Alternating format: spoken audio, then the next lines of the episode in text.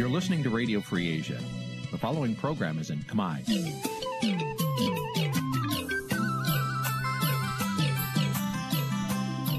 នេះជាកម្មវិធីផ្សាយ Vuthu Azizi Serai នេះជាកម្មវិធីផ្សាយរបស់ Vuthu Azizi Serai ជាភាសាខ្មែរ Vuthu Azizi Serai សូមស្វាគមន៍លោកអ្នកនាងទាំងអស់ពីរដ្ឋធានី Washington នៃសហរដ្ឋអាមេរិកចាប់ផ្សាយផ្ទាល់ពីរដ្ឋធានី Washington នាងខ្ញុំសុជីវីសូមជម្រាបសួរលោកនាងកញ្ញាដែលកំពុងតាមដានការផ្សាយរបស់ Vuthu Azizi Serai ទាំងអស់ជាទីមេត្រីយើងខ្ញុំសូមជូនកម្មវិធីផ្សាយសម្រាប់យប់ថ្ងៃប្រហ័សចាប់7កើតខែស្រាបឆ្នាំខាលចត្វាស័កពុរសករាជ2566ចាប់ត្រូវនៅថ្ងៃទី4ខែសីហាគ្រិស្តសករាជ2022ជាដំបូងនេះសូមអញ្ជើញលោកអ្នកនាងស្ដាប់ព័ត៌មានប្រចាំថ្ងៃដែលមានមេត្តាដូចតទៅ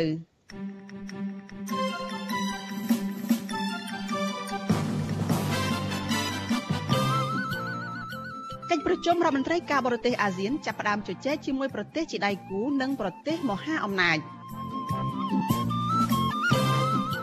ប្រធានគណៈបកភ្លឹងទៀនខេត្តត្បូងឃ្មុំត្រៀមប្តឹងមេប៉ូលីសផ្កាយ3ម្នាក់ដែលប្រាហឹង្សាលើលោកសកម្មជនបរិស្ថានស្នើទៅរដ្ឋាភិបាលឲ្យដាក់តំបន់កោះកុងក្រៅជាអូសៀនជាតិសមុទ្រ សក្តានុពលធម្មជាតិដ៏អស្ចារ្យនៃភ្នំតាម៉ៅកំពុងប្រឈមនឹងការបំផ្លាញចោលរួមនឹងព័ត៌មានសំខាន់ៗមួយចំនួនទៀត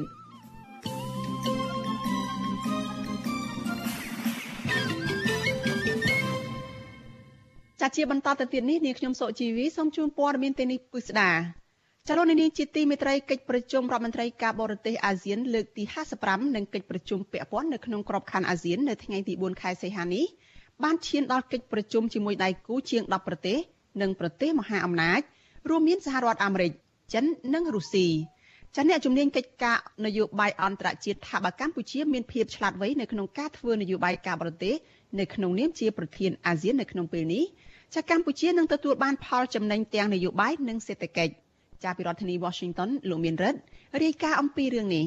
កិច្ចប្រជុំរដ្ឋមន្ត្រីការបរទេសអាស៊ានចាប់ផ្ដើមជជែកជាមួយរដ្ឋមន្ត្រីការបរទេសដែលជាប្រទេសដៃគូរបស់អាស៊ានជាបន្តបន្ទាប់ក្នុងនោះរួមមានកិច្ចប្រជុំរដ្ឋមន្ត្រីការបរទេសអាស៊ានបូក3លើកទី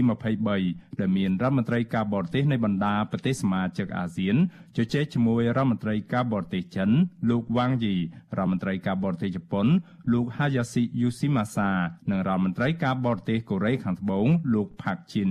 រដ្ឋលេខាធិការនិងជាអ្នកនាំពាក្យក្រសួងការបរទេសស្ដីពីកិច្ចប្រជុំអាស៊ានលោកគង់ភោគថ្លែងក្នុងសន្និសីទសារព័ត៌មាននៅព្រឹកថ្ងៃទី4ខែសីហាថា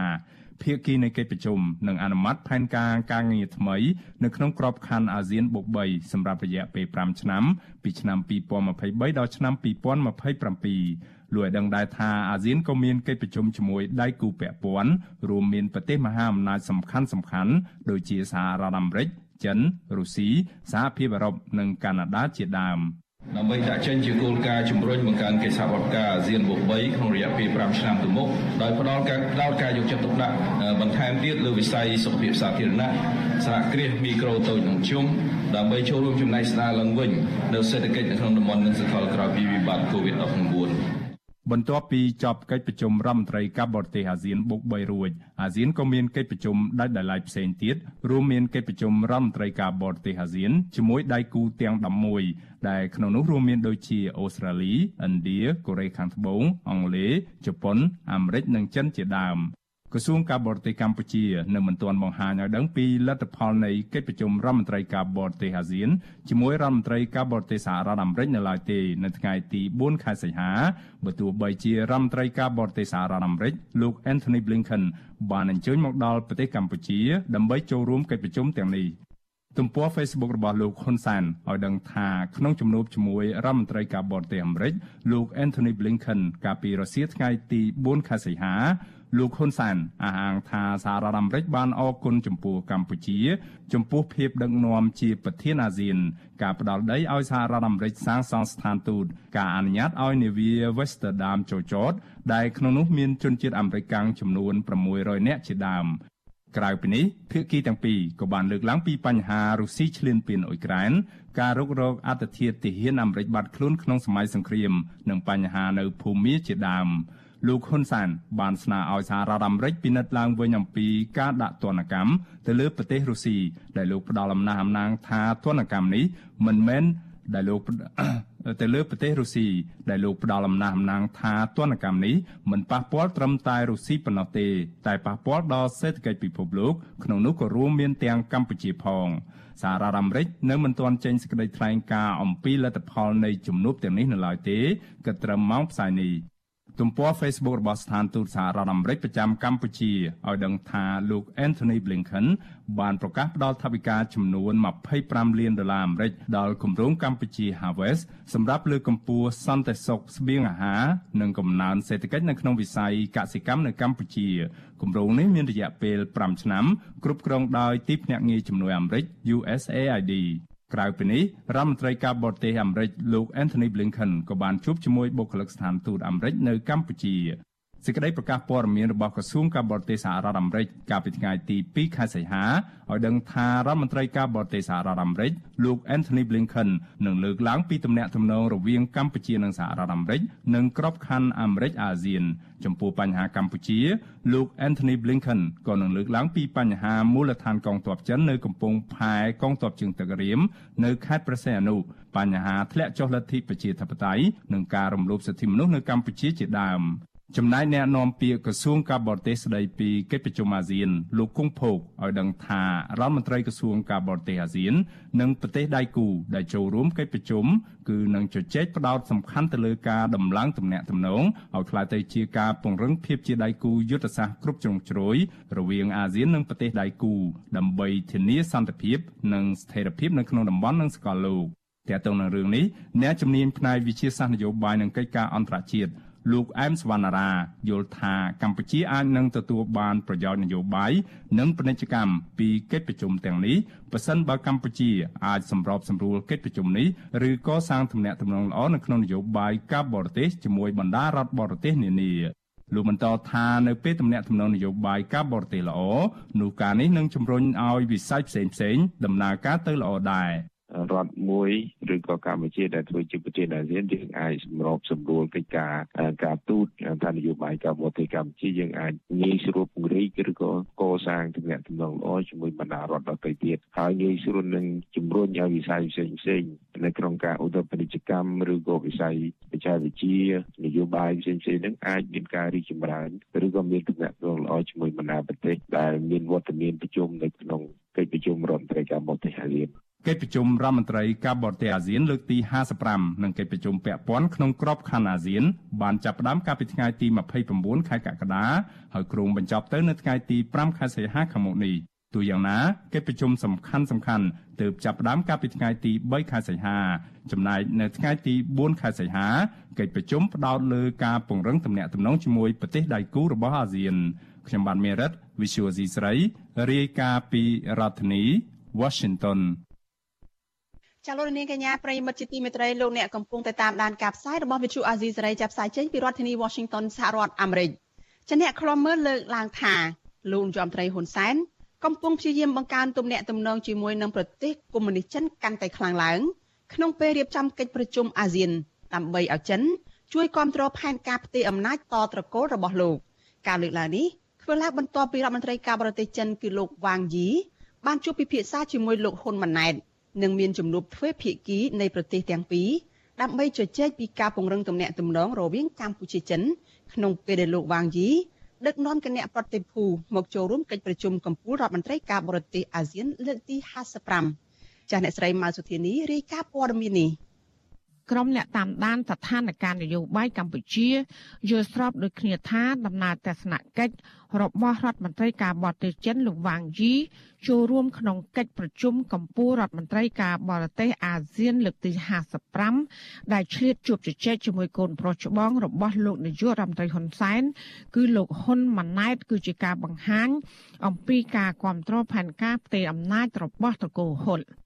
អ្នកវិភាគបញ្ហាសង្គមនិងនយោបាយលោកកឹមសុខលើកឡើងថារដ្ឋាភិបាលមិនត្រឹមតែមានទំនាក់ទំនងល្អជាមួយចិន ដើម្បីឲ្យជួយគ្រប់គ្រងផែនការផ្ទៃអំណាចទៅឲ្យកូនប្រុសរបស់ខ្លួនតែប៉ុណ្ណោះទេក៏ប៉ុន្តែលោកកឹមសុខថារដ្ឋាភិបាលលោកហ៊ុនសែនតែងទាញកម្ពុជាធ្វើជាកូនអុកដើម្បីបំពេញមហិច្ឆតារបស់ប្រទេសចិនលើឆាកអន្តរជាតិ លោកថាក្នុងនោះកម្ពុជានិងចិនហាក់នៅតែមានភាពបិទបាំងអំពីវត្តមានមូលដ្ឋានកងទ័ពចិន នៅលើទឹកដីខ្មែរហើយមិនទាន់មានការជំរះមន្ទិលសង្ស័យដើម្បីឲ្យសហរដ្ឋអាមេរិកនិងប្រទេសក្នុងតំបន់មានការជឿទុកចិត្តនៅឡើយ។ លោកបន្តថារដ្ឋាភិបាលលោកហ៊ុនសែនគួរតែគិតគូរឡើងវិញអំពីការអនុវត្តគោលនយោបាយអព្យាក្រឹតដោយធានាថាមិនលំអៀងទៅរកចិន និងត្រូវចាប់ផ្ដើមស្ដារស្ថានភាពនយោបាយកម្ពុជាឲ្យបានល្អប្រសើរ។ ក៏ប៉ុន្តែចិនក៏ដឹងច្បាស់ណាស់ដែរថាបើកម្ពុជាដើរប្រជាធិបតេយ្យនិងការគោរពសិទ្ធិមនុស្សនៅកម្ពុជានោះទំនាក់ទំនងកម្ពុជានិងសហរដ្ឋអាមេរិកក៏នឹងប្រសើរឡើងវិញលឿនដែរហើយចិនក៏នឹងបាត់បង់ឥទ្ធិពលនៅកម្ពុជាបន្តិចម្ដងបន្តិចម្ដងម្ល៉េះហើយទើបចិនព្យាយាមប្រើអបាយកលបំពេញបំណងផ្ទេរអំណាចរបស់គ្រួសារហ៊ុនសែនហ្នឹងយកលោកហ៊ុនសែននិងលោកហ៊ុនម៉ាណែតជាឧបករណ៍រារាំងការប្រឹងប្រែងរបស់សហរដ្ឋអាមេរិកក្នុងក្នុងការស្ដារទំនាក់ទំនងកម្ពុជានិងសហរដ្ឋអាមេរិកនេះរដ្ឋមន្ត្រីការបរទេសចិនលោកវ៉ាងជីកាលពីថ្ងៃទី3ខែសីហាបានដឹកនាំគណៈប្រតិភូបំពេញទស្សនកិច្ចផ្លូវការចូលរួមក្នុងកិច្ចប្រជុំកម្ពុជារដ្ឋមន្ត្រីការបរទេសអាស៊ានលើកទី55ដែលកម្ពុជាធ្វើជាម្ចាស់ផ្ទះ។ ក្រៅពីនេះលោកវ៉ាងយីក៏បានឆ្លៀតឱកាសដើម្បីជជែកពិភាក្សាជាមួយលោកហ៊ុនម៉ាណែតនិងបានជជែកពិភាក្សាក្នុងជំនួបទ្វេភាគីនៃប្រទេសទាំងពីរទាក់ទងនឹងការងារអាស៊ានចិនហើយនិងបញ្ហាអន្តរជាតិលោកហ៊ុនសែនក៏បានលើកឡើងថាកម្ពុជានិងចិន បានចាក់គ្រឹះយ៉ាងមាំនិងមានទំនាក់ទំនងស៊ីជម្រៅនៃកិច្ចសហប្រតិបត្តិការច្រើនវិស័យ។ លោកហ៊ុនសែនក៏បានអះអាងថាក្នុងជំនួបនោះ លោកវ៉ាងជីបានបញ្ជាក់ចំហថាចិននឹងបន្តគ្រប់គ្រងចំពោះការបន្តវេនស្នងតំណែងជានាយករដ្ឋមន្ត្រីក្នុងគោលដៅរក្សាសន្តិភាពកិច្ចសហប្រតិបត្តិការរវាងកម្ពុជានិងចិន ដើម្បីឲ្យប្រទេសទាំងពីរមានការកសាងសហគមន៍និងជោគវាសនាជាមួយគ្នានៅថ្ងៃអនាគត។ អ្នកសិក្សាស្រាវជ្រាវនៃវិទ្យាស្ថានខ្មែរសម្រាប់សហប្រតិបត្តិការនិងសន្តិភាព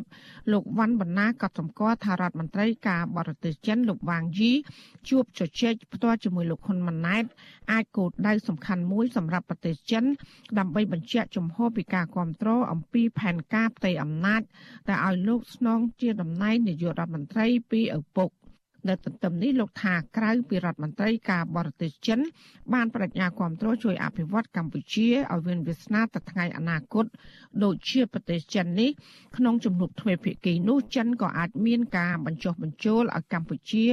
គ្រប់គ្រងខ្លួនពាក់ព័ន្ធនឹងដំណើរទស្សនកិច្ចរបស់ប្រធានរដ្ឋាភិបាលអាមេរិកអ្នកស្រី Nancy Pelosi ធ្វើដំណើរទៅកាន់កោះតៃវ៉ាន់ហើយដែលរដ្ឋាភិបាលក្រុងប៉េកាំងតែងចាត់ទុកថាជាចំណាយទឹកដីរបស់ខ្លួន។ បើសិនជារឿងវិបត្តិនៅតៃវ៉ាន់វិវត្តទៅទៅជាចំនួនសង្គ្រាមឬក៏មានបញ្ហាមួយហើយកម្ពុជាគ្រប់គ្រងផលប្រយោជន៍ចិនខ្លាំងហើយរៀងប្រឆាំងនឹងផលប្រយោជន៍សហរដ្ឋអាមេរិកខ្ញុំមើលឃើញថាកម្ពុជាអាចនឹងប្រឈមមុខនឹងប្រទេសសហរដ្ឋអាមេរិកដែលអាចទាញទម្លាក់កម្ពុជានៅក្នុងវិបត្តិភូមិសាស្ត្រនយោបាយឬคล้ายទៅជាជាប់អន្ទាក់នៅក្នុងភូមិសាស្ត្រនយោបាយហើយមួយទៀតដែលធ្វើឲ្យសហរដ្ឋអាមេរិកអាចកាន់តែដាក់ទណ្ឌកម្មកម្ពុជាកាន់តែខ្លាំងក្លាថែមទៀតផងដែរ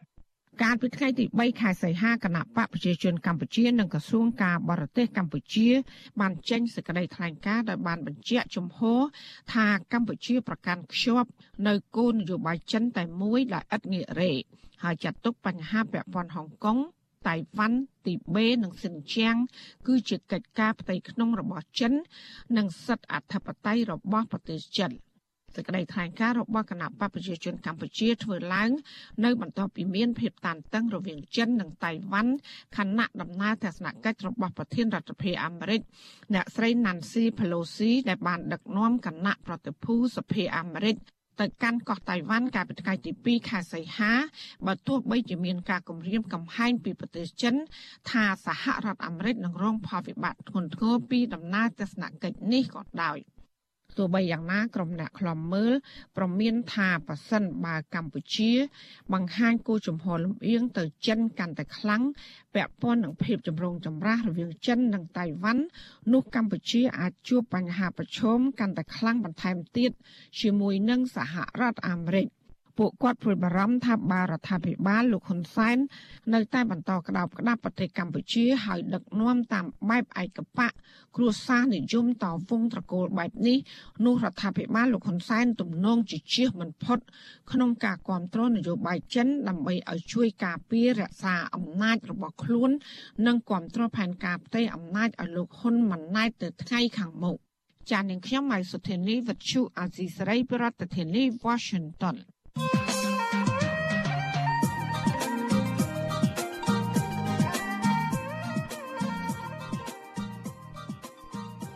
ចលនានាងកញ្ញាជាទីមេត្រីចារដ្ឋាភិបាលកម្ពុជានៅក្នុងនាមជាប្រធានអាស៊ានបានប្រកាសជំហរគាំទ្រគោលនយោបាយចិនតែមួយនៅស្របពេលរដ្ឋមន្ត្រីការបរទេសអាមេរិកគឺលោក Anthony Blinken បានទៅចូលរួមកិច្ចប្រជុំរដ្ឋមន្ត្រីការបរទេសអាស៊ាននៅរាជធានីភ្នំពេញនេះ តើរដ្ឋមន្ត្រីការបរទេសសហរដ្ឋអាមេរិកទៅចូលរួមកិច្ចប្រជុំរដ្ឋមន្ត្រីការបរទេសអាស៊ាននេះដើម្បីទប់ឥទ្ធិពលចិននៅក្នុងតំបន់អាស៊ានឬយ៉ាងណាចាសសូមអញ្ជើញលោកអ្នកនាងរងចាំស្ដាប់នីតិវេទិកាអ្នកស្ដាប់វិទ្យុអាស៊ីសេរីចាដែលនឹងជជែកអំពីបញ្ហានេះនៅយប់ថ្ងៃសុក្រស្អែកនេះកុំបីខាន ចាលោកអ្នកនាងអាចសួរវាគ្មិនរបស់យើងឬក៏បញ្ចេញមតិមតិយោបល់នៅក្នុងនីតិវេទិកាអ្នកស្ដាប់វិទ្យុអាស៊ីសេរីនៅពេលនោះបានចាដល់លោកអ្នកនាងដាក់លេខទូរស័ព្ទរបស់លោកអ្នកនាងនៅក្នុងខ្ទង់ comment របស់ Facebook និង YouTube របស់វិទ្យុអាស៊ីសេរីចាក្រុមការងាររបស់យើងនឹងហៅទៅលោកអ្នកនាងវិញដើម្បីផ្ដល់ឱកាសឲ្យលោកអ្នកនាងបានចូលរួមនៅក្នុងកិច្ចពិភាក្សានៅពេលនោះចាសសូមអរគុណ ចលនានាងកញ្ញាជាទីមេត្រីព័ត៌មានមួយទៀតចារដ្ឋមន្ត្រីការបរទេសអាមេរិកគឺលោក Anthony Blinken បានប្រកាសពីគម្រោងថ្មីមួយគឺគម្រោងកម្ពុជា Harvest ទី3នៅក្នុងទឹកប្រាក់25លានដុល្លារអាមេរិកដើម្បីលើកកម្ពស់សន្តិសុខស្បៀងនិងកំណើនសេដ្ឋកិច្ចនៃវិស័យកសិកម្មកម្ពុជា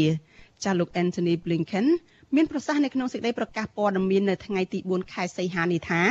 លោកជឿជាក់លើគម្រោងនេះនិងជឿជាក់លើដៃគូនានា ហើយយើងចង់ធ្វើការឲ្យបានច្រើននិងទទួលបានលទ្ធផលល្អជាមួយគ្នាលោកបន្ថែមថា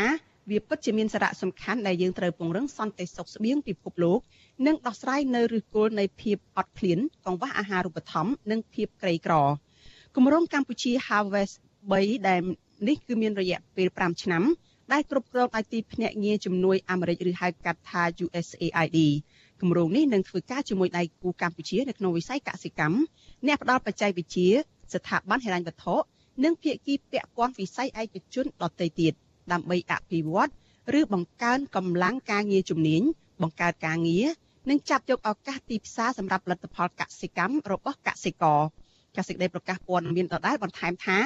គម្រោងកម្ពុជា Harvest ទី3នេះគឺជាការបន្ថែមលើការវិនិយោគដែលទីភ្នាក់ងារជំនួយរបស់អាមេរិក USAID បានធ្វើអស់រយៈពេលជាង1ទសវត្សរ៍មកហើយតាមរយៈការលើកកម្ពស់ឱកាសសេដ្ឋកិច្ចប្រកបដោយចីរភាពការណែនាំអំពីបច្ចេកវិទ្យាកសិកម្មវៃឆ្លាតបែបធន់នឹងអាកាសធាតុនិងលើកកម្ពស់ជីវភាពរស់នៅរបស់ប្រជាជន ជាពិសេសគឺស្ត្រីនិងយុវជន និងប្រជាជនងាយរងគ្រោះជាដើមក្នុងរយៈពេល5ឆ្នាំទីភ្នាក់ងារជំនួយរបស់សហរដ្ឋអាមេរិក USAID រំពឹងថាការវិនិយោគលើវិស័យឯកជនថ្មីនឹងរកបានចំនួន38លានដុល្លារ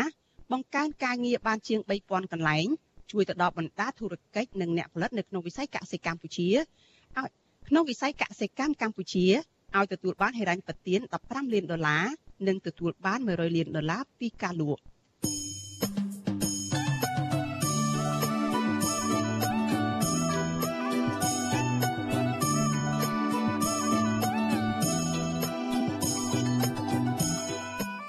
លោកអ្នកនាងជាទីមេត្រីចានៅក្នុងឱកាសនេះដែរចានាងខ្ញុំសូមអរគុណដល់លោកអ្នកនាងចាដែលតែងតែមានភក្ដីភាពចំពោះការផ្សាយរបស់យើងហើយចាត់ទុកការស្ដាប់វិទ្យុអាស៊ីសេរីនេះគឺជាផ្នែកមួយនៃសកម្មភាពប្រចាំថ្ងៃរបស់លោកអ្នកនាងចាការគ្រប់គ្រងរបស់លោកអ្នកនាងនេះហើយដែលធ្វើយើងខ្ញុំមានទឹកចិត្តកាន់តែខ្លាំងថែមទៀតនៅក្នុងការស្វែងរកព័ត៌មាននិងផ្សព្វផ្សាយព័ត៌មានពិតជូនលោកអ្នកនាងចាមានអ្នកស្ដាប់មានអ្នកទស្សនាកាន់តែច្រើនចាកាន់តែធ្វើឲ្យយើងខ្ញុំមានទឹកចិត្តមោះមុតនិងស្វាហាប់ជាបន្តទៅទៀត ចាយើងខ្ញុំសូមអរគុណលោកអ្នកនាងទុកជាមុនហើយក៏សូមអញ្ជើញលោកអ្នកនាងចាជួយជំរុញឲ្យការផ្សាយរបស់វិទ្យុអាស៊ីសេរីនេះចាកាន់តែជោគជ័យបន្ថែមទៀតចាលោកអ្នកនាងអាចជួយយើងខ្ញុំបានដោយលោកអ្នកនាងចុច share ឬក៏ចែករំលែកការផ្សាយរបស់វិទ្យុអាស៊ីសេរីចានៅលើបណ្ដាញសង្គម Facebook Facebook និង YouTube ចាទៅកាន់មិត្តភ័ក្តិរបស់លោកអ្នកនាងដើម្បីឲ្យការផ្សាយរបស់យើងនេះបានទៅដល់មនុស្សកាន់តែច្រើនចាសូមអរគុណ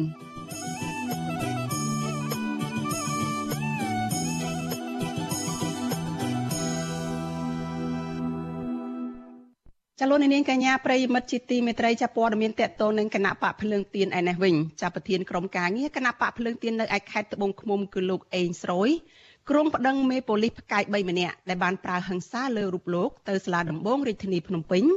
ដើម្បីស្ដារកិត្តិយសរបស់លោកឡើងវិញមន្ត្រីសង្គមស៊ីវិលធ្វើការងារផ្នែកសិទ្ធិមនុស្សយល់ថា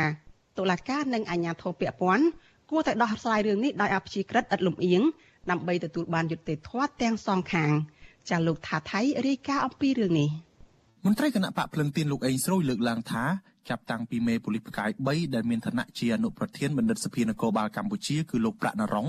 បានប្រោមអំពើហិង្សាមកលើរូបលោកមកធ្វើឲ្យប៉ះពាល់ដល់ភាពថ្លៃថ្នូររបស់លោកនិងមិនអាចទទួលយកបានឡើយប្រធានក្រុមការងារគណៈបកភ្លើងទៀនខេត្តត្បូងឃ្មុំលោកអេងស្រួយប្រាប់វិទ្យុអាស៊ីសេរីនៅព្រឹកថ្ងៃទី4សីហាថាលោក ក្រុមប្តឹងមេប៉ូលីសផ្កាយ3គឺលោកប្រាក់ណរងដែលបានទះកំភ្លៀងលោកនៅចំពោះមុខអង្គភាពទៅសាលាដំបងរាជធានីភ្នំពេញក្នុងពេលឆាប់ៗខាងមុខនេះដើម្បីស្ដារកិត្តិយសរបស់លោកឡើងវិញលោកបញ្ជាក់ថាមូលហេតុដែលលោកត្រៀមប្តឹងនេះដោយសារមេប៉ូលីសផ្កាយ3រូបនេះបានប្រើហិង្សាមកលើរូបលោកទាំងកំរោលនិងបានប្តឹងលោកទៅតុលាការថែមទៀតដែលធ្វើឲ្យលោកអាប់អោនកិត្តិយសនិងទទួលរងនៅអំពើអយុត្តិធម៌ គេប្រព្រឹត្តអំពើហិង្សាមកលើខ្ញុំហើយគេប្តឹងខ្ញុំគេដេញខ្ញុំចេញពីក្របខ័ណ្ឌគេចោទប្រកាន់ខ្ញុំថាបរិហាកេថែមចោទប្រកាន់បទល្មើសមួយទៀតមកលើខ្ញុំថាខ្ញុំនឹងបានប្រព្រឹត្តបទញុះញង់បង្កឲ្យមានបទឧក្រិដ្ឋជាអាតអីចឹងទៅណាហើយខ្ញុំជាជនរងគ្រោះនឹងហើយពីពេលមុនមកខ្ញុំក៏មិនទាន់បានសម្រេចចិត្តថាប្តឹងថ្ងៃនេះថ្ងៃនោះទេដោយសារខ្ញុំមានការងារច្រើនដែលខ្ញុំត្រូវធ្វើណាមួយទៀតខ្ញុំមិនទាន់បានតាក់ទងរកមេធាវីបានអញ្ចឹងហើយបានឱកាសនេះខ្ញុំមានមេធាវីហើយខ្ញុំនឹងរៀបចំពាក្យបណ្ដឹងបណ្ដឹងកាលពីថ្ងៃទី22ខែមេសាគ្រូបង្រៀននគរបាលនៅអង្គភាពក្រុមប្រឹក្សាអភិវឌ្ឍគ្រូនគរបាលជាតិនៃបណ្ឌិតសភានគរបាលកម្ពុជាលោកអេងស្រួយបានអះអាងថាមេរបស់លោកដែលជាអនុប្រធានបណ្ឌិតសភានគរបាលកម្ពុជាគឺលោកប្រាក់ណារុងបានកោះហៅមន្ត្រីនគរបាលឲ្យចូលរួមកិច្ចប្រជុំមួយនៅក្នុងអង្គភាព លោកបន្តថាបន្ទាប់មកលោកប្រាក់ណារុងបានហាមឃាត់លោកមិនឲ្យថតរូបដើម្បីចងក្រងជារបាយការណ៍ក្នុងកិច្ចប្រជុំនោះឡើយលោកអេងស្រួយបញ្ជាក់ថាភ្លាមភ្លាមនោះលោកប្រាក់ណរងបានប្រើពាក្យសម្ដីមិនសមរម្យនិងស្ទុះមកទាំងកំរោលផ្ទះកំភ្លៀងលោកដោយចោទថាលោកយកម៉ោងការងាររដ្ឋទៅបម្រើការងារគណៈបកភ្លើងទៀន តាកតងនឹងគម្រោងប្តឹងនេះវិទ្យុអាស៊ីសេរីមិនអាចតាកតងអនុប្រធានបណ្ឌិតសភានគរបាលកម្ពុជាគឺលោកប្រាក់ណារ៉ុងដើម្បីសូមអត្ថាធិប្បាយជុំវិញរឿងនេះបាននៅឡើយទេនៅថ្ងៃទី4សីហាដោយទូរស័ព្ទចូលតែពុំមានអ្នកទទួលក៏ប៉ុន្តែក៏ឡងមកស្ថាប័នបណ្ឌិតសភានគរបាលកម្ពុជានិងលោកប្រាក់ណារ៉ុងបានបដិសេធថាលោកមិនបានប្រើហិង្សានោះទេនិងចាត់ទុកការចោទប្រកាន់នេះថាជាព័ត៌មានក្លែងក្លាយនិងជាការបរិហាគេហើយថែមទាំងប្តឹងទៅតុលាការក្រុងភ្នំពេញថែមទៀត។ តំណាងអัยការអមស្លាដំបងរាជធានីភ្នំពេញលោកទីមុនិន កាលពីថ្ងៃទី30ខែមិថុនាបានកោះហៅលោកអេងស្រួយឲ្យចូលបំភ្លឺក្នុងតុលាការនៅថ្ងៃទី22កក្កដាពាក់ព័ន្ធនឹងបទបរិហាគេជាសាធារណៈបរិហាគេតាមសារព័ត៌មាននិងបទក្លែងព័ត៌មាននិងញុះញង់ឲ្យប្រព្រឹត្តបទឧក្រិដ្ឋជាអាតតាមបណ្ដឹងរបស់លោកប្រាក់នរងកាលពីថ្ងៃទី22មិថុនាប៉ុន្តែត្រូវបានលោកអេងស្រួយដាក់ពាក្យស្នើសុំទៅតុលាការពន្យាពេលចូលបំភ្លឺដោយសារលោកជាប់រវល់ លោកអេងស្រួយចាត់ទុកការប្តឹងផ្ដាល់មកលើរូបលោកនេះថាជាការធ្វើទុកបុកម្នេញផ្នែកនយោបាយដោយសារតែលោកជាថ្នាក់ដឹកនាំគណៈបកភ្លឹងទីនខេត្តត្បូងឃ្មុំ ដោយយកលេសចោទថាទៅរឿងនេះរឿងចោទទៅរឿងអសកម្មចោទទៅរឿងមិនគោរពវិន័យហើយយើងសួរទៅវិញយើងសួរមន្ត្រីរាជការរាប់ពាន់រាប់ម៉ឺននាក់សួរទៅតើមានមន្ត្រីរាជការមួយណាដែលគោរពវិន័យបានល្អយើងសួរទៅវិញគាត់ថាពេលខ្លះមេដឹកនាំនៅអង្គភាពមួយបើសិនបើមន្ត្រីមានការខុសឆ្គងហៅទៅអប់រំណែនាំបើថាគាត់មិនចេះជំនាញអីហៅគាត់ទៅបង្រៀនបណ្ដុះបណ្ដាលជំនាញហ្នឹងគឺវាចប់រឿងដើម្បីបង្កើតធនធានមនុស្សមេដឹកនាំគេត្រូវធ្វើអញ្ចឹងវាមិនមែនត្រូវយកអំពើហិង្សាមកប្រើណាជុំវិញរឿងនេះប្រធានសមាគមការពារសិទ្ធិមនុស្សអាត់ហុកលោកនីសុខាយល់ថាតុលាការនិងអាជ្ញាធរពាក់ព័ន្ធគូតែស៊ើបអង្កេតរឿងក្តីក្តាំនេះប្រកបដោយដំណាភាពដើម្បីឲ្យភាគីទាំងសងខាងទទួលបានយុត្តិធម៌ទាំងអស់គ្នាទោះជាយ៉ាងណាលោកក៏សម្គាល់ថាកន្លងមកប្រសិនបើសកម្មជនគណៈបកប្រឆាំងឬមន្ត្រីបកភ្លើងទៀនប្តឹងផ្ដាល់ជាមួយអាជ្ញាធរបកកណ្ដាលអំណាចគឺពុំសូវទទួលបានយុត្តិធម៌ឡើយ ចឹងយើងមិនសូវមានសង្ឃឹមច្រើនទេពីព្រោះយើងដឹងហើយថានេះហើយដោយសារតែយើងមើលឃើញអំពីប្រព័ន្ធស្ថាប័នយុតិធធយើងនឹងមិនទាន់មានភាពឯករាជ្យឲ្យបានច្បាស់លាស់ចេញអំពីគណៈបកនយោបាយចឹងហើយវាធ្វើឲ្យនៅពេលដែលមានចំនួនបញ្ហាអញ្ចឹងទៅគឺថាវាប្រកាន់គណៈបកឬក៏ប្រកាន់ក្រុមរៀងរៀងខ្លួនអញ្ចឹងហើយយើងពិបាកនឹកសង្ឃឹមថានឹងទទួលបាននៅយុតិធធនឹងណាបាទប៉ុន្តែទោះបីយ៉ាងណាក៏ដោយបើសិនជាលោកហេងស្រួយមិនពេញចិត្តយើងលើកទឹកចិត្តឲ្យមានការប្តឹងទៅតាមផ្លផ្លូវច្បាប់បាទលោកអេងស្រួយឲ្យដឹងថាករណីលោកប្រាក់ណារងផ្ទះកំភ្លៀងលោកនេះលោកបានដាក់លិខិតស្នើសុំជួយអន្តរាគមន៍រកដំណោះស្រាយពីក្រសួងមហាផ្ទៃដែរប៉ុន្តែរហូតមកទល់ពេលនេះមិនត្រឹមតែគ្មានដំណោះស្រាយសមរម្យនោះទេរដ្ឋមន្ត្រីក្រសួងមហាផ្ទៃលោកសខេងបែរជាសម្រេចកាត់ឈ្មោះលោកចេញពីក្របខ័ណ្ឌរដ្ឋជាមន្ត្រីនគរបាលដោយចោទថាលោកបានបោះបង់ការងារលោកចាត់ទុកករណីនេះថាជារឿងអយុត្តិធម៌ផ្ទួនផ្ទួនគ្នាសម្រាប់រូបលោកខ្ញុំថាថៃពីទីក្រុងមែលប៊ន ចាលោកនាងកញ្ញាជាទីមេត្រីព័ត៌មានតកតនឹងប្រធានគណៈបកភ្លើងទៀននៅឯខេត្តបៃលិនឯនោះវិញចាតុលាការខេត្តបៃលិនក៏ហៅប្រធានគណៈបកភ្លើងទៀនខេត្តនេះឲ្យចូលទៅបំភ្លឺក្នុងសំណុំរឿងពីករណីផ្សេងគ្នាពាក់ព័ន្ធនឹងបទចោទញុះញង់ឲ្យមានការរើសអើងនិងករណីដែលសកម្មជននយោបាយរូបនេះប្តឹងឈ្មោះទ្រីធាថាបានប៉ុនប៉ងជិះម៉ូតូដេញបុកលោកចាស់មន្ត្រីសង្គមស៊ីវិលយល់ឃើញថារឿងនេះគឺជាការគំរាមកំហែង ឬជាការបំបាក់ស្មារតីនយោបាយរបស់មន្ត្រីគណៈបកភ្លើងទៀននិងស្នើឲ្យតុលាការទម្លាក់ចោលរដ្ឋបទចោតចាស់លោកជាតិចំណានរាយការណ៍អំពីរឿងនេះតំណាងអัยការអមសាលាដំបងខេត្តបៃលិនក៏ហៅប្រធានគណៈបកភ្លើងទៀនខេត្តបៃលិនលោកខឹមមនីកុសលឲ្យចូលទៅបំភ្លឺនៅថ្ងៃទី8ខែសីហាទៅលើករណីទី1ដែលលោកជាដើមមិនដឹងប្តឹងលោកត្រីធាដែលប៉ុនប៉ងបុកម៉ូតូរបស់លោកករណីមួយទៀតតុលាការក៏ហៅលោកឲ្យទៅបំភ្លឺពីបទញុះញង់ឲ្យមានការរើសអើង នៅថ្ងៃទី16ខែសីហាខាងមុខនេះតុលាការបានចាប់ប្រកាន់ពីបទញុះញង់ឲ្យមានការរើសអើងពាក់ព័ន្ធនឹងរឿងអតីតគ្រូពេទ្យរូបនេះបង្ហោះសារតាមបណ្ដាញសង្គម Facebook រិះគន់មន្ត្រីមួយចំនួនដែលចុះប្រចាំការមណ្ឌលចតាឡេសាក្នុងស្នាក់ការគណៈបកប្រជាជនកម្ពុជាខេត្តបៃលិនថាពុំបានជួយការងារគ្រូពេទ្យនោះទេបែរជានាំគ្នាអង្គុយលេង Facebook និងថតរូបបង្អួតគេឯងទៅវិញលោកខមនីកុសលប្រតិកម្មទៅនឹងការកោះហៅលើកទី4នេះ ថាជាការធ្វើទុកបុកម្នេញផ្នែកនយោបាយពីសំណាក់អាជ្ញាធរបកកណ្ដាលអំណាចដោយប្រើប្រាស់ប្រព័ន្ធតុលាការប្រធានគណៈបកភ្លើងទៀនខេត្តបៃលិនលោកខមនីកុសលប្រាប់វិទ្យុអេស៊ីស្រីនៅថ្ងៃទី4ខែសីហាថាការពន្ធពងប្រើប្រាស់ប្រព័ន្ធតុលាការដើម្បីបំផិតបំភ័យនិងគំរាមកំហែងលើសិទ្ធិធ្វើនយោបាយរបស់លោកគឺជារឿងអយុត្តិធម៌មួយបន្ថែមទៀតក្រោយពីអាជ្ញាធរខេត្តបានបណ្ដេញលោកចេញពីក្របខ័ណ្ឌមន្ត្រីមន្ត្រីសុខាភិបាលកាលពីឆ្នាំ2021កន្លងទៅលោកស្នើឲ្យអាជ្ញាធរខេត្ត និងអាយកាអមសាលាដំបងខេត្តបៃលិនបញ្ឈប់ការយាយីទៅលើរូបលោកនិងទម្លាក់ចោលការចោទប្រកាន់ទាំងអស់ដើម្បីបើកលំហសេរីភាពសិទ្ធិក្នុងការធ្វើនយោបាយឲ្យបានពេញលេញក្នុងខេត្តបៃលិន។ ខ្ញុំគិតថាការប៉ុនប៉យកតុលាការដើម្បីយកមកសម្លុតគម្រាមកំហែងខ្ញុំនៅពេលនេះគឺអ្វីដែលខ្ញុំមើលឃើញជាការប៉ុនប៉ងការយាយីដល់សកម្មភាពធ្វើនយោបាយរបស់ខ្ញុំនិងជាការបំបាក់ស្មារតីទៅដល់សកម្មជនគណៈបកភ្លើងទៀនដទៃទៀតដែលកំពុងតែធ្វើសកម្មភាពនយោបាយនៅតាមមូលដ្ឋាននៅក្នុងខេត្តបៃលិនយើងនេះកុំឲ្យសកម្មហើយខ្លោបខ្លាចទៅនឹងបញ្ហាដែលកើតមានឡើងចំពោះរូបខ្ញុំនេះបាទតកតងរឿងនេះវិសុអេស៊ីស្រីមិនអាចតកតងแนะនាំពាក្យស្លាប់ដំបងខេត្តបៃលិនលោកពិនសុខុម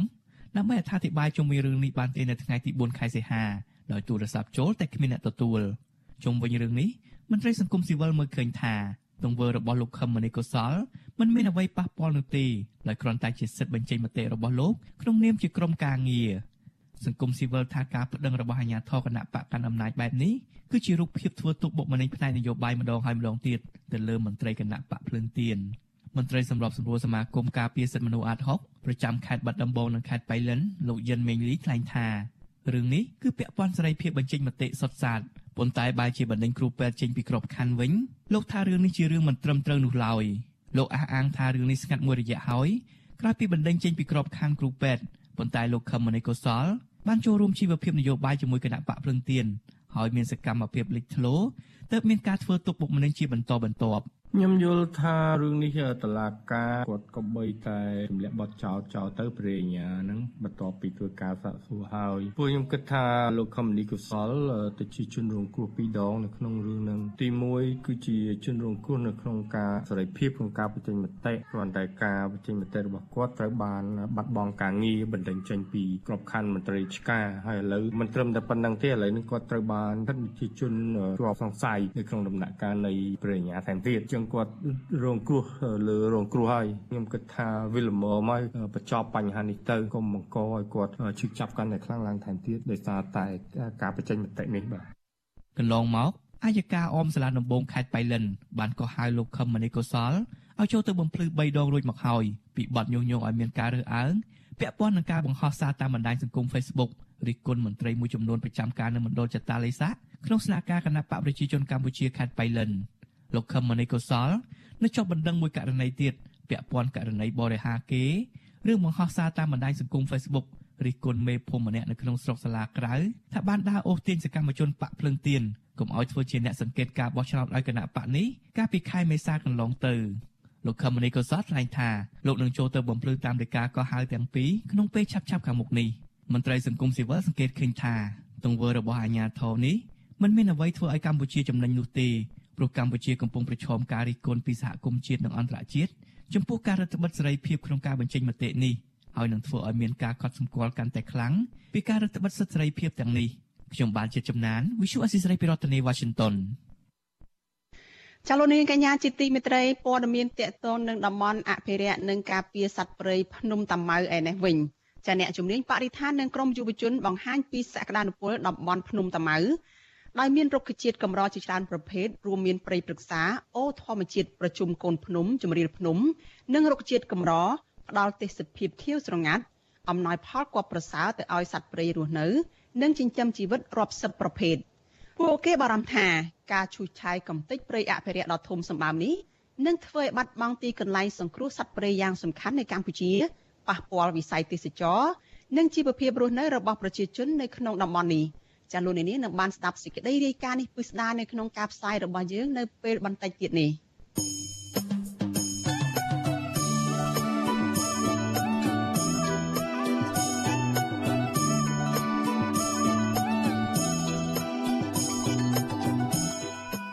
ាលោកនាងកញ្ញាជាទីមេត្រីចាត់ដំណើរគ្នានឹងការផ្សាយផ្ទាល់តាមបណ្ដាញសង្គម Facebook និង YouTube នេះ ចាលោកនាងក៏អាចស្ដាប់ការផ្សាយរបស់ Vithu Azizi សេរីតាមរយៈ Vithu រលកធាតុអាកាសខ្លី SW ចាតាមកម្រិតនិងកម្ពស់ដូចតទៅនេះពេលព្រឹកចាប់ពីម៉ោង5កន្លះដល់ម៉ោង6កន្លះតាមរយៈរលកធាតុអាកាសខ្លីចាំ12140 kHz ស្មើនឹងកម្ពស់ 25m 13715 kHz ស្មើនឹងកម្ពស់ 22m ចាប់ពេលយប់ចាប់ពីម៉ោង7កន្លះដល់ម៉ោង8កន្លះតាមរយៈរលកធាតុអាកាសខ្លី 9960 kHz ស្មើនឹងកម្ពស់ 30m 12140 kHz ស្មើនឹងកម្ពស់ 25m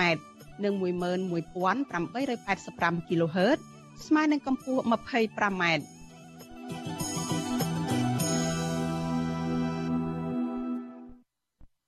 ចាលោកនាងកញ្ញាប្រិយមិត្តជាទីមេត្រីចាព័ត៌មានតកតងនឹងតំបន់កោះកុងក្រៅឯណោះវិញតាក្រមសកម្មជនបរិស្ថានចលនាមេដាធម្មជាតិស្នើរដ្ឋាភិបាលដាក់តំបន់កោះកុងក្រៅនេះចូលជាអូសៀនជាតិសមុទ្រនិងដកអាជ្ញាប័ណ្ណសិទ្ធិអភិវឌ្ឍកោះនេះពីក្រុមហ៊ុនលីយ៉ុងផាត់ត្រឡប់មកវិញ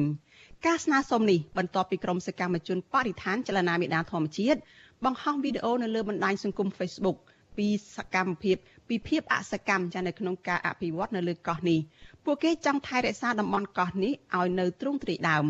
ចាសសង្គមស៊ីវិលថារដ្ឋាភិបាលគួរតែផ្ដល់ដីតំបន់សម្បត្តិដែលមានសក្តានុពលទេសចរនេះទៅឲ្យក្រុមហ៊ុនដែលធ្វើការនៅក្នុងវិស័យទេសចរជាជាងផ្ដល់ទៅឲ្យក្រុមហ៊ុនដែលអភិវឌ្ឍដែលនាំឲ្យប៉ះពាល់ទៅដល់ធនធានធម្មជាតិចាលោកសនច័ន្ទរដ្ឋារាយការណ៍ព័ត៌មាននេះក្រមសកម្មជនប្រធានលើកឡើងថាចាប់តាំងពីរដ្ឋាភិបាល បានប្រកល់សិទ្ធិទៅឲ្យក្រុមហ៊ុនឯកជនកកុង SEZ របស់លោកលីយ៉ុងផាតកាលពីថ្ងៃទី14ខែមិថុនាឆ្នាំ2019មកពួកគាត់មិនទាន់ឃើញមានការអភិវឌ្ឍណាមួយលើកោះនេះនៅឡើយទេសកម្មជនប្រធានចលនាមេដាធម្មជាតិកញ្ញាភួនកៅរស្មីប្រាប់វិទ្យុអេស៊ីសរ៉ៃថ្ងៃទី4ខែសីហាថារដ្ឋាភិបាលគួរទៅដកហូតអាជ្ញាប័ណ្ណសិទ្ធិអភិវឌ្ឍពីក្រុមហ៊ុនមេនីមកវិញដោយយោងតាមច្បាប់ភូមិបាលមេត្រា62បានចែងថារាល់សម្បត្តិដីដែលបានផ្ដល់ឲ្យមុនច្បាប់នេះចូលជាធរមានហើយ មិនបានធ្វើអាជីវកម្មចាប់ពី12ខែឡើងទៅគិតចាប់ពីថ្ងៃដែលច្បាប់នេះចូលជាធរមានត្រូវទុកជាមុខៈប្រសិនបើការខកខានមកបានធ្វើអាជីវកម្មនេះមិនមានមូលហេតុត្រឹមត្រូវទន្ទឹមគ្នានេះកញ្ញាមិនចង់ឃើញមានការអភិវឌ្ឍណាមួយប៉ះពាល់ដល់ធនធានធម្មជាតិដូចជាការកាប់បំផ្លាញព្រៃឈើយកដីសាងសង់អគារខុនដូរីសតដែលមិនផ្ដល់ផលប្រយោជន៍ដល់ប្រជាជនទៅពិសេសគឺការអភិវឌ្ឍចេញពីក្រុមហ៊ុនអញ្ញាលីយំផាត់ដែលជាក្រុមហ៊ុនធ្លាប់មានប្រវត្តិមិនល្អ កញ្ញាបន្តថាស្ថានភាពកោះកុងក្រៅពេលបច្ចុប្បន្ននេះនៅមានសភាពស្រស់ស្អាតទើបកញ្ញាដូចជាសកម្មជនប្រធានដទៃទៀតស្នើសុំទៅរដ្ឋាភិបាលដាក់កោះកុងនេះជាជាជាតិសមុទ្រកញ្ញារស្មីបន្ថែមថាការស្នើសុំនេះមិនមែនត្រឹមតែចង់រក្សាកោះកុងក្រៅឲ្យនៅសភាពដើមទេតែដើម្បីរំលឹកពីសេចក្តីប្រកាសព័ត៌មានរបស់រដ្ឋាភិបាលកាលពីថ្ងៃទី3ខែមិថុនាឆ្នាំ2020ដែលក្រុងដាក់កោះនេះទៅជាឧទ្យានជាតិសមុទ្រនៅឆ្នាំ2021ក៏ប៉ុន្តែមកទល់ពេលនេះ មិនទាន់ឃើញមានការប្រកាសណាមួយពីក្រសួងបរិស្ថានអំពីលទ្ធផលនៃការសិក្សាលើកោះនេះនៅឡើយទេ ស្របពេលដែលរដ្ឋាភិបាលធ្លាប់អះអាងថាក្រសួងមួយនេះបានចាប់ផ្ដើមសិក្សាពីកោះនេះតាំងពីឆ្នាំ2016បើទោះបីជាយ៉ាងណាសកម្មជនរំនេះរំពឹងថារដ្ឋាភិបាលនឹងយល់ស្របតាមការស្នើសុំរបស់ពួកគេហើយអនុវត្តតាមសេចក្តីប្រកាសរបស់ខ្លួនកន្លងមកពិសេសការយកកោះកុងក្រៅត្រឡប់មកវិញដើម្បីបម្រើដល់វិស័យទេសចរផងដែរ។ ប៉ុន្តែបើសិនជារដ្ឋាភិបាលអត់គិតគូរដកអាជ្ញាប័ណ្ណហើយនឹងដាក់កោះកុងក្រៅជាឧស្សាហជាតិសមុទ្រទេវាអាចនឹងបាត់បង់ខ្ទេចខ្ទីនៅធនធានធម្មជាតិនៅកោះនេះហើយបើសិនជាមានការអភិវឌ្ឍដោយក្រុមហ៊ុនឯកជនបែបនេះយើងបារម្ភថាទៅថ្ងៃអនាគតអាចមានតែបងប្អូនរបស់អ្នកអភិវឌ្ឍទេដែលមានលុយទៅលេងចាឬក៏ដល់ថ្នាក់អាចមានរីសតឯកជននៅលើកោះទៀតក៏ក៏ថាបាននេះជាក្តីបារម្ភរបស់ពួកយើងដែលជាអ្នកស្រឡាញ់កោះកុងក្រៅចា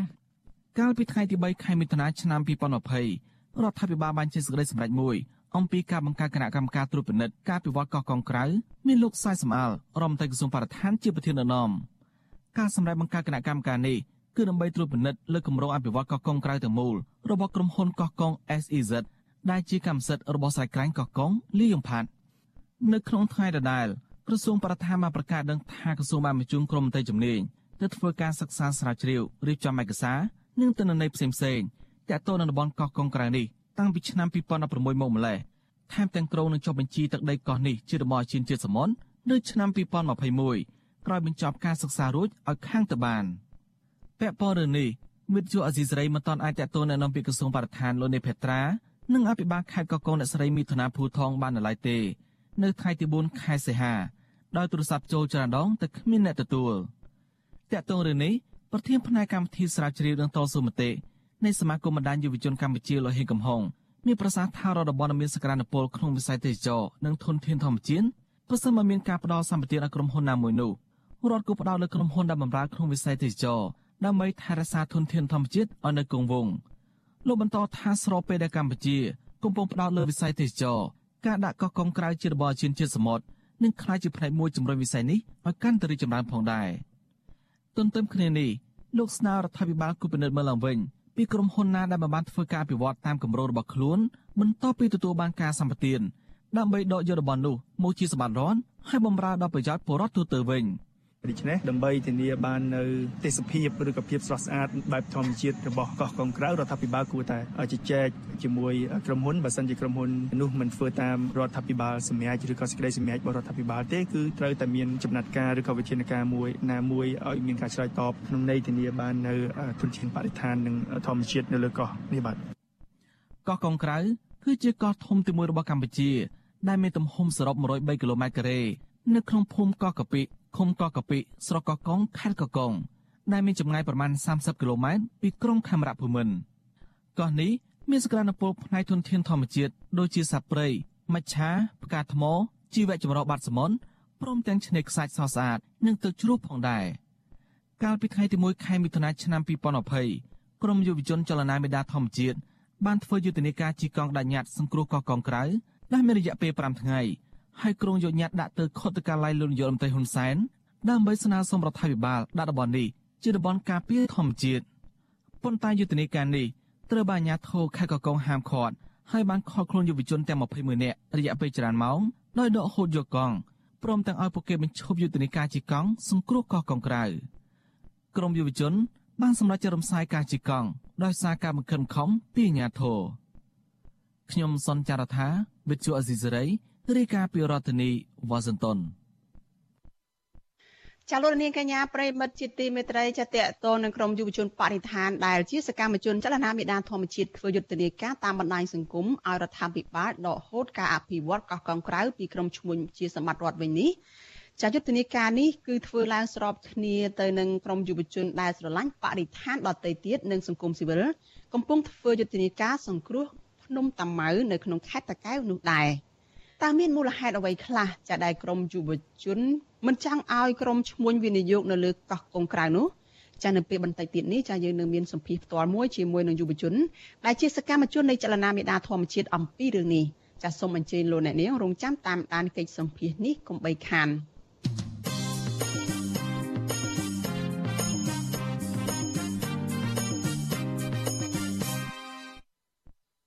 ចចាលោកនាងជាទីមេត្រីសេចក្តីរាយការណ៍ពីតំបន់ភ្នំតាម៉ៅឯណោះឲ្យដឹងថាប្រជាពលរដ្ឋជាង30គ្រួសារដែលកំពុងរស់នៅក្បែរភ្នំតាម៉ៅព្រួយបារម្ភខ្លាចក្រុមហ៊ុនដែលកំពុងបំផ្លាញភ្នំតាម៉ៅនោះបណ្ដេញពួកគាត់មិនឲ្យរស់នៅទីនោះបន្តទៅទៀតសង្គមស៊ីវិលលើកឡើងថាពលរដ្ឋដែលរស់នៅក្នុងតំបន់ដែលក្រុមហ៊ុនវិនិយោគតែងតែត្រូវរងគ្រោះដោយសារតែការបណ្ដេញចេញនិងមិនបានទទួលសំណងសមរម្យនោះទេ ហើយថារដ្ឋគិតគូរពីផលហើយថា រដ្ឋគួរតែគិតគូរពីផលប្រយោជន៍របស់ប្រជាពលរដ្ឋនៅក្នុងតំបន់ឬក៏នៅក្នុងមូលដ្ឋាននោះជាមុនសិនមុននឹងផ្ដល់ការវិនិយោគទៅឲ្យក្រុមហ៊ុនណាមួយចាពីរដ្ឋធានី Washington លោកសេកបណ្ឌិតរាយការណ៍អំពីរឿងនេះស្របពេលដែលក្រុមហ៊ុនរបស់អង្គការមួយចំនួនដែលជិតស្និទ្ធនឹងរដ្ឋាភិបាលលហ៊ុនសែនកំពុងចូលទៅបំផ្លាញធនធានធម្មជាតិនៅតំបន់ភ្នំតាម៉ៅដើម្បីពង្រីកចំនួនអចលនទ្រព្យរបស់ខ្លួននោះប្រជាពលរដ្ឋរស់នៅក្បែរតំបន់នោះ ក៏ចាប់ផ្ដើមព្រួយបារម្ភអំពីសុវត្ថិភាពដីធ្លីរបស់ពួកគាត់ដែរពលរដ្ឋរស់នៅក្បែរភ្នំតាម៉ៅលោកស្រីខុនខុំប្រាប់បទសុអាស៊ីសេរីថា ចាប់តាំងពីក្រុមហ៊ុនចូលឈូឆាយលោកស្រីមិនអាចចូលទៅបេះស្លឹករងៀងទៅលក់ដើម្បីផ្គត់ផ្គង់ជីវភាពគ្រួសារបានទៀតនោះទេ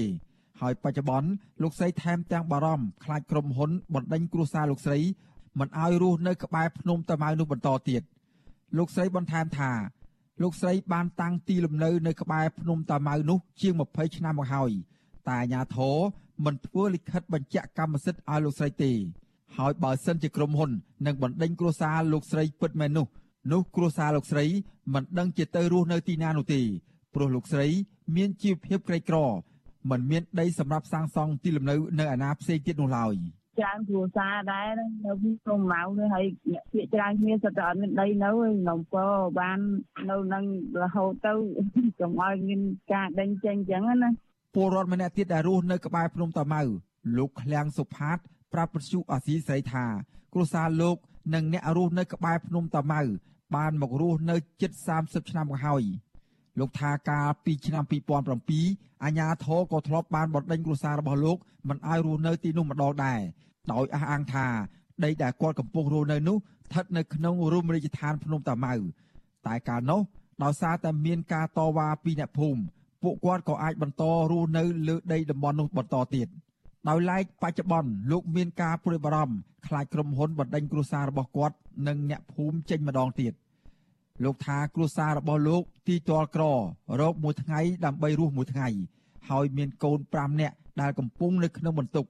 ដូច្នេះលោកស្នើសុំឲ្យរដ្ឋាភិបាលកុំឲ្យក្រុមហ៊ុនបណ្ដេញអ្នកភូមិចេញព្រោះលោកមិនមានលទ្ធភាពទៅទិញដីនៅកន្លែងផ្សេងបានឡើយហើយគ្រួសាររបស់លោកក៏កំពុងជាប់បំណុលធនាគារដែរ។ បើ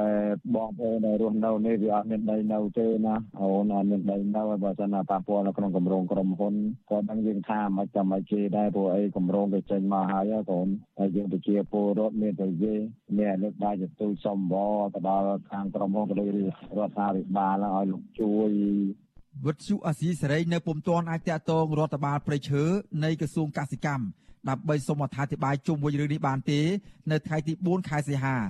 ដោយទូរស័ព្ទចូលតែមានអ្នកចុចផ្ដាច់ទៅវិញជុំវិញក្តីព្រួយបារម្ភនេះដែរនាយកទទួលបន្ទុកកិច្ចការទូតនៃអង្គការលីកាដូលោកអំសំអាតលើកឡើងថាការអនុញ្ញាតឲ្យក្រុមហ៊ុនមានសិទ្ធិវិនិយោគនៅតំបន់ភ្នំតាម៉ៅគឺមិនត្រឹមត្រូវនោះទេព្រោះតំបន់ឧស្សាហសួនសត្វនិងមជ្ឈមណ្ឌលសង្គ្រោះសត្វព្រៃភ្នំតាម៉ៅគឺជាទ្រព្យសម្បត្តិសាធារណៈរបស់រដ្ឋហើយបើសិនជារដ្ឋចង់ដោះដូរឲ្យក្រុមហ៊ុនឯកជននោះត្រូវមានព្រះរាជក្រឹត្យកាត់ជ្រឿដីបដូរពីទ្រព្យសម្បត្តិសាធារណៈរបស់រដ្ឋទៅជាទ្រព្យសម្បត្តិឯកជនរបស់រដ្ឋជាមុនសិនជាមួយគ្នានេះលោកថាជាគោលការណ៍ច្បាប់ដើម្បីបញ្ជាកុំឲ្យមានផលប៉ះពាល់ដល់ប្រជាពលរដ្ឋនៅមូលដ្ឋានរដ្ឋត្រូវចេញលិខិតផ្ដល់ជាកម្មសិទ្ធិដល់ប្រជាពលរដ្ឋជាមុនសិនមុននឹងផ្ទេរកម្មសិទ្ធិឲ្យក្រុមហ៊ុនឯកជនវិនិយោគ ខ្ញុំគិតថាចិត្តទេបើសិនជាមានមែនទៅលើប្រជាពលរដ្ឋដែលមានការប្រួយបារម្ភភ័យព្រួយពីការបណ្ដេញចេញពីទីតាំងដែលគាត់រស់នៅរាប់សិបឆ្នាំហើយហ្នឹងអាជ្ញាធរត្រូវតែមានការដោះស្រាយជាមួយគាត់ឬក៏ពលរដ្ឋហ្នឹងអាចដាក់ពាក្យសួរទៅអាជ្ញាធរមូលដ្ឋានដើម្បីស្វែងរកដំណោះស្រាយដើម្បីបំបត្តិនៅភាពមន្ទិលសង្ស័យក៏ដូចជាការភ័យព្រួយភ័យខ្លាចអំពីការបណ្ដេញចេញនោះបាទការព្រួយបារម្ភរបស់ប្រជាពលរដ្ឋនេះដោយសារតែពួកគាត់ ឃើញក្រុមហ៊ុនរបស់អង្គការលេងនវត្រាកំពុងប្រើគ្រឿងចាក់ឈូសឆាយយ៉ាងកងរំពងពេញព្រៃនៅតំបន់ភ្នំតាម៉ៅដើម្បីយកដីសម្រាប់សាងសង់ជាអគារផ្ទះល្វែងដើម្បីលក់សំឡេងគ្រឿងចាក់ទាំងនោះ បានលាន់សន្ធឹកខ្លាំងដែលបណ្ដាលឲ្យសត្វនៅតំបន់ព្រៃភ្នំតាម៉ៅផ្អើលរត់ចូលភូមិប្រជាពលរដ្ឋប្រជាពលរដ្ឋនៅតំបន់ជុំវិញភ្នំតាម៉ៅបានហាងថា កងកម្លាំងសមត្ថកិច្ចចម្រុះជាច្រើនអ្នក ក៏កំពុងដាក់ពង្រាយក្នុងព្រៃដើម្បីការពារសកម្មភាពឈូសឆាយព្រៃឈើនោះដែរប្រជាពលរដ្ឋនិងអ្នកសារព័ត៌មានក្នុងស្រុកឲ្យដឹងថាផ្ទៃដីភ្នំតាម៉ៅដែលមានទំហំ2300ហិកតានោះត្រូវបានរដ្ឋាភិបាលហ៊ុនសែនផ្ដល់សិទ្ធិទៅឲ្យក្រុមហ៊ុនរបស់អង្គការមួយចំនួនដោយស្ងាត់ស្ងាត់ក្នុងនោះមានក្រុមហ៊ុនសំណង់ TP Moral Group របស់លោកខុនសៀចំនួន700ហិកតា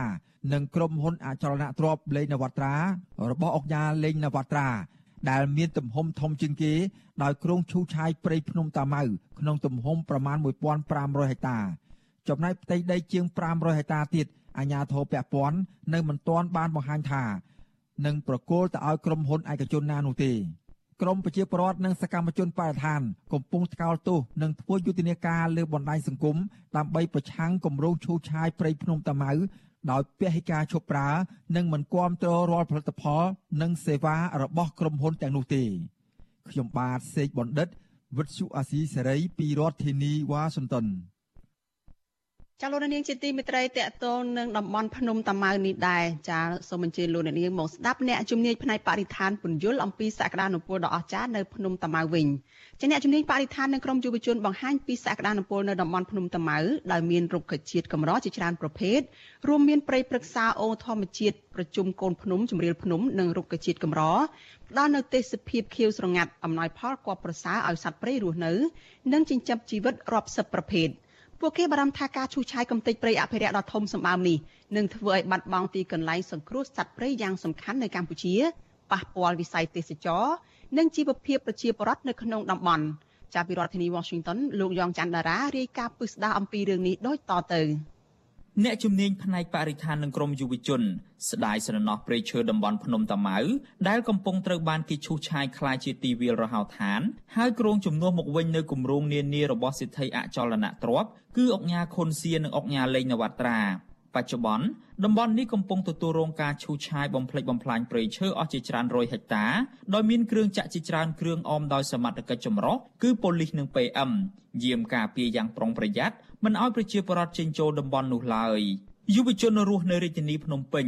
លោកលីច័ន្ទដារាវុធប្រាប់វិទ្យុអាស៊ីសេរីថាតំបន់ភ្នំតាម៉ៅគឺជាកន្លែងសង្គ្រោះសត្វព្រៃយ៉ាងសំខាន់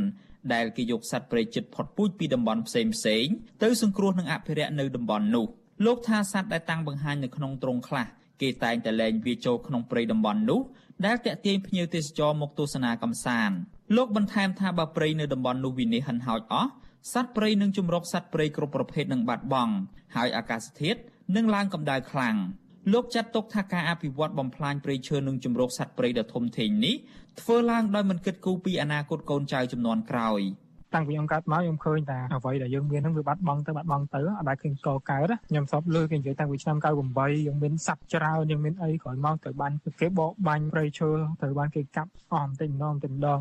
កោះទៅបានលឺឲ្យអុកញ៉ាបឹងក៏ទៅលុបយើងទៅអាធម្មជាតិអីទាំងអស់ហ្នឹងវាតម្រង់យោគ្នាតើឈ្មោះទៅរកវិនិយោគកម្មហ្មងកុំលេះអភិវឌ្ឍហ្នឹងវាធ្វើឲ្យធនធានហ្នឹងវាបាត់បង់ទៅវាអត់មានរក្សាវាអត់មានគិតដល់ក្មេងជំនាន់ក្រោយយើងមើលដូនតាយើងពីជំនាន់មុនគាត់បានរក្សាធនធានហ្នឹងយ៉ាងច្រើន រីឯប្រធានសមាគមអ្នកស្រឡាញ់បរិស្ថាននិងសង្គមលោកជុំហូតវិញលោកជំរុញរដ្ឋាភិបាលផ្អាកសកម្មភាពឈូសឆាយព្រៃទាំងនេះនិងផ្លាស់ប្តូរគំនិតអភិវឌ្ឍនៅទីនោះដើម្បីសវត្ថិភាពសត្វព្រៃនិងធនធានធម្មជាតិលោកថាការឈូសឆាយព្រៃទាំងនេះនឹងធ្វើឲ្យសត្វព្រៃបាត់បង់ទីជម្រកនិងបាត់បង់កន្លែងសង្គ្រោះសត្វព្រៃហើយរមណីយដ្ឋានជាច្រើនកន្លែងនឹងប្រឈមការបិទទ្វារ បានលើហើយថាតំបន់នោះជាតំបន់មួយដ៏អស្ចារ្យបំផុតនៅក្នុងចំណោមប្រទេសកម្ពុជាប៉ុន្តែបែរជាក្រុមហ៊ុនមួយចំនួនដែលធ្វើឲ្យកាន់តែបាត់បង់ហិនហោចនៅអ្វីដែលយើងមានវាធ្វើឲ្យមានការសោកស្ដាយខ្លាំងដែលយើងមិនអាចទទួលយកបាននៅការបំផ្លាញទាំងអស់ហ្នឹងប្រោរូបភាពនៃការអភិវឌ្ឍអ្នកជំនាញផ្នែកបរិស្ថានសង្កេតឃើញថាមជ្ឈមណ្ឌលសង្គ្រោះសត្វព្រៃភ្នំតាម៉ៅផ្ដល់ភាពងាយស្រួលដល់និស្សិតចង់ស្វែងយល់ពីជីវសាស្ត្ររបស់សត្វព្រៃកម្រចិត្តផុតពូជពីព្រោះតំបន់នោះនៅជិតរាជធានីភ្នំពេញម្យ៉ាងវិញទៀត បើទោះបីជាដើមឈើធំធំនៅតំបន់នោះត្រូវគេកាប់បំផ្លាញអស់ទៅហើយក្តីក្រោយពីក្រសួងកសិកម្មបានកំណត់ទីនោះជាតំបន់អភិរក្សព្រៃរិចរិលបានដុះឡើងវិញនៅរយៈពេលជាង10ឆ្នាំចុងក្រោយនេះដែលផ្ដល់មលប់ដល់សត្វព្រៃនិងជំរកបក្សាបក្សីវិទ្យុអាស៊ីសេរីមិនទាន់អាចតាក់ទងសុំការបំភ្លឺរឿងនេះពីតំណាងក្រុមហ៊ុនលេងនវត្រានិងតំណាងអង្គការខុនសៀបាននៅឡើយទេ នៅថ្ងៃទី4សីហាក៏ប៉ុន្តែលោកខុនសៀធ្លាប់ប្រាប់វិទ្យុអាស៊ីសេរី ដោយបដិសេធថាក្រុមហ៊ុនរបស់លោកមិនបានឈូសឆាយដីព្រៃតំបន់ភ្នំតាម៉ៅនោះឡើយ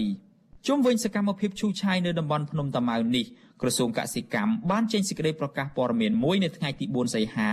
ដោយច្រានចោលចំពោះមតិរិះគន់របស់ប្រជាពលរដ្ឋក្រសួងកសិកម្មលើកហេតុផលថាការអភិវឌ្ឍនៅតំបន់ភ្នំតាម៉ៅពុំមានផលប៉ះពាល់ទាល់តែសោះ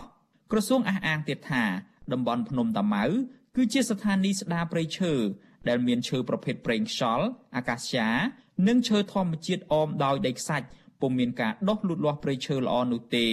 លើពីនេះទៅទៀតក្រសួងបញ្ជាក់ថាតំបន់នោះពុំមានសត្វព្រៃសំខាន់សំខាន់ជិតផុតពូជដោយការលើកឡើងឡើយគឺមានតែជ្រូកព្រៃដែលតែងតែមករំខានដំណាំប្រជាពលរដ្ឋក្រសួងកសិកម្មបញ្ជាក់ថាការអភិវឌ្ឍនេះ គឺជាការដោះដូរដីនៅតំបន់ផ្សេងជាថ្នូវទៅនឹងការអភិវឌ្ឍដោយកែលម្អឧទ្យានជាតិភ្នំតាម៉ៅឲ្យមានភាពប្រសើរឡើងវិញ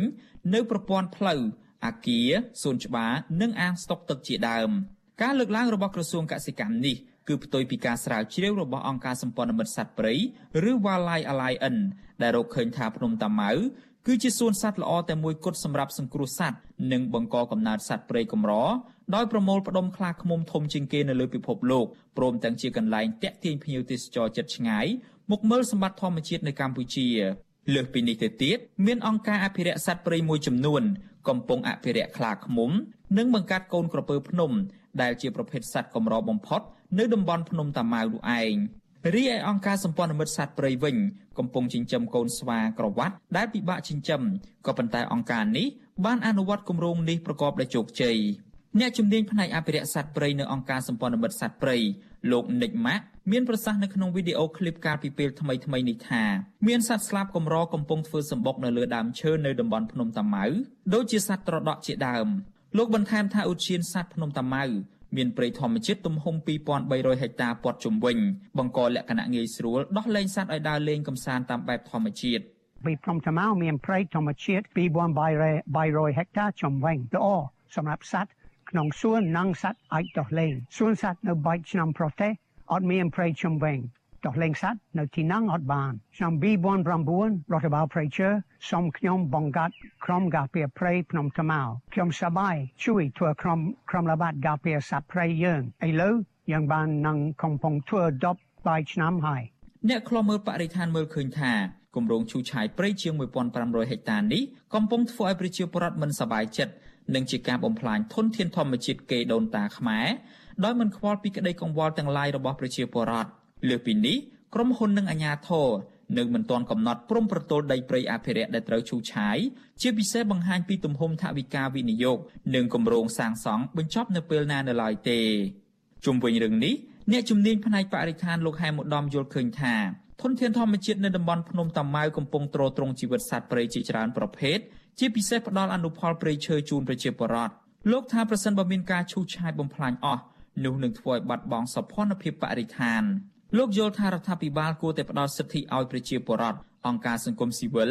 និងភាគីពាក់ព័ន្ធចូលរួមសម្រេចចិត្តលើគម្រោងអភិវឌ្ឍន៍នេះប្រកបដោយតម្លាភាពនិងគណនេយ្យភាព។ ពិគ្រោះយោបល់ឲ្យមានការចូលរួមពីដើមទីទៅកាន់តែឆាប់កាន់តែល្អណាទីមួយយើងត្រូវមានតម្លាភាពយើងចង់ធ្វើអីយើងកុំធ្វើលក្ខណៈបិទបាំងបិទបាំងបាទប្រាប់ជាពលរដ្ឋមូលដ្ឋានពិគ្រោះយោបល់មួយគាត់5 6លើកឲ្យគាត់ដឹងទៅឲ្យគាត់មានឱកាសក្នុងការសួរសំណួរឧទ្យានជាតិសួនសត្វភ្នំតាម៉ៅ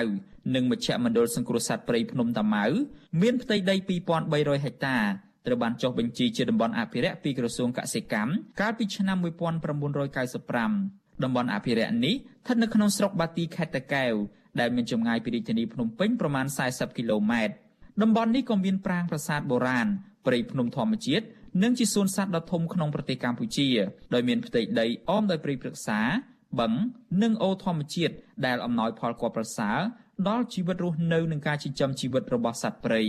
សួនសត្វនៅទីនោះក៏បានតាំងបង្ហាញប្រភេទសត្វព្រៃកម្រជាច្រើនប្រភេទឲ្យអ្នកទេសចរបានទស្សនាកម្សាន្តផងដែរដូចជាពស់ថ្លាន់ក្រពើ ខ្លាតោដំរី ស្វា និងខ្លាឃ្មុំជាដើមខ្ញុំយ៉ងច័ន្ទដារាវិទ្យុអាស៊ីសេរីរាយការណ៍ពីរដ្ឋធានី Washington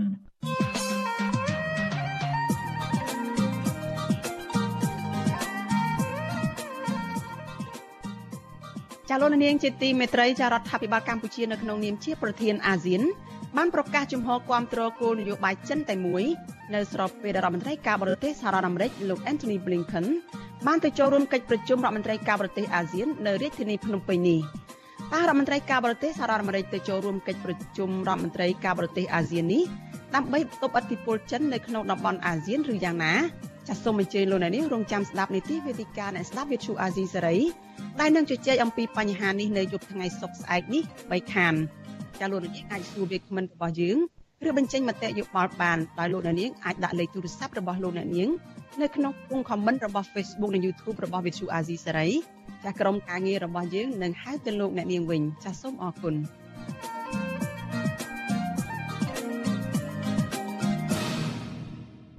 ចាលោកនាងកញ្ញាជាទីមេត្រីព័ត៌មានតកតនឹងចំនួនដីធ្លីនៅឯខេត្តកោះកុងឯនោះវិញចាប្រជាពលរដ្ឋជិត1000គ្រួសាររស់នៅឯស្រុកស្រែអំបិលស្រុកបទុមសាគរនិងស្រុកថ្មបាំងនៅក្នុងខេត្តកោះកុងដែលមានចំនួនដីធ្លីជាង10ឆ្នាំជាមួយនឹងក្រុមហ៊ុនលីយ៉ុងផាត់នៅតែទាមទារឲ្យអាជ្ញាធររកដំណោះស្រាយដល់ពួកគាត់ពលរដ្ឋថាក្រុមហ៊ុនស្កអំពើរបស់លោកលីយ៉ុងផាត់បានរំលោភយកដីរបស់ពួកគាត់ និងមិនបានសងសំណងទៅឲ្យពលរដ្ឋបានសមរម្យដែលអាចឲ្យពួកគាត់យកទៅទិញទិញដីឬក៏ទទួលយកបាននោះទេ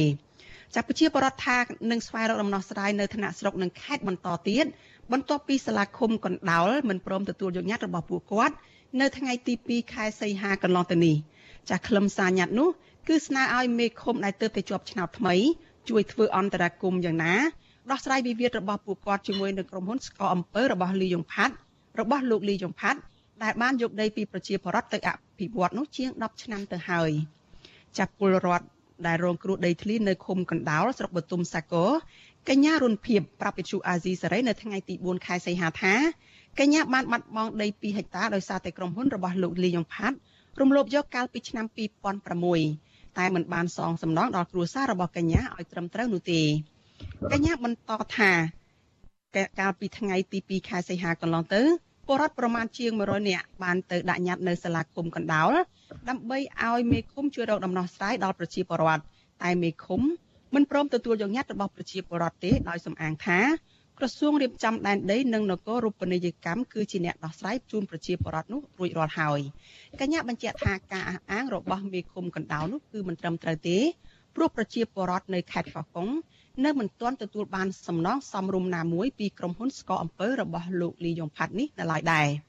ចាស់វិទ្យុអាស៊ីសេរីមិនអាចតាក់ទងសុំការបកស្រាយបំភ្លឺរឿងនេះពីមេឃុំកណ្ដោលនៅស្រុកបទុមសាគរគឺលោកឆឹងង៉ែបានទេ នៅថ្ងៃទី4ខែសីហានេះដោយទូរស័ព្ទហៅចូលប៉ុន្តែពុំមានអ្នកទទួល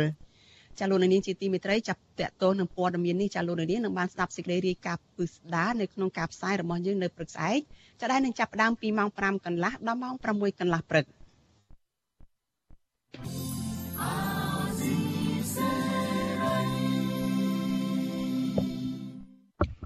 ចាលោកនាងកញ្ញាជាទីមេត្រីចាសម្រាប់លោកនាងដែលកំពុងតែតាមដានការផ្សាយរបស់វិទ្យុអាស៊ីសេរីចាតាមរយៈវិទ្យុរលកធាតុអាកាសខ្លីចា SW ចានៅនៅពេលបន្តិចទៀតនេះចាលោកនាងមិនបានឮការផ្សាយរបស់វិទ្យុអាស៊ីសេរីទៀតទេចាប៉ុន្តែចំពោះលោកនាងដែលកំពុងតែតាមដានការផ្សាយរបស់យើងនៅលើបណ្ដាញសង្គម Facebook និង YouTube ចាសូមបន្តតាមដានការផ្សាយរបស់យើងជាបន្តទៅទៀតចានៅក្នុងកម្មវិធីផ្សាយជាបន្តទៅទៀតនេះ ចាលោកសេបណ្ឌិតនឹងមានសម្ភារផ្ទាល់មួយជាមួយនឹងក្រុមយុវជនចលនាមេដាធម្មជាតិចាដែលនឹងចូលមកជជែកតាក់ទងទៅនឹងការអភិវឌ្ឍនៅតំបន់កោះកុងក្រៅចាក្នុងនោះក្រុមយុវជនបរិស្ថានដែលជាសកម្មជនចលនាមេដាធម្មជាតិបានធ្វើយុទ្ធនាការតាមបណ្ដាញសង្គមដោយស្នើរដ្ឋាភិបាលដកហូតគម្រោងអភិវឌ្ឍកោះកុងក្រៅពីក្រុមឈ្មួញមកទុកជាសម្បត្តិរដ្ឋវិញចាយុទ្ធនាការនេះគឺធ្វើឡើងស្របគ្នាជាមួយនឹងក្រុមយុវជនដែលស្រឡាញ់បរិស្ថានដទៃទៀត និងអង្គការសង្គមស៊ីវិលកំពុងតែធ្វើយុទ្ធនាការសង្គ្រោះសត្វព្រៃនៅភ្នំតាម៉ៅនៅក្នុងខេត្តតាកែវនោះដែរចតើមានមូលហេតុអ្វីខ្លះចដែលក្រមយុវជន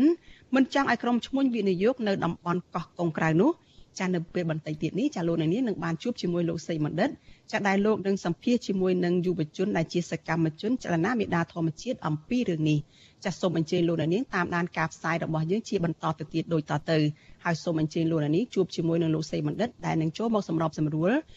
កិច្ចសម្ភាសនេះនៅក្នុងការផ្សាយរបស់យើងជាបន្តទៅទៀតចានេះខ្ញុំសូមអរគុណនិងសូមជម្រាបលា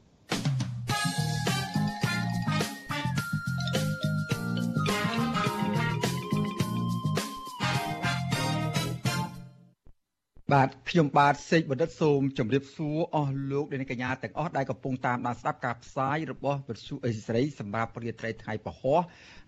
ទី4ខែសីហានេះ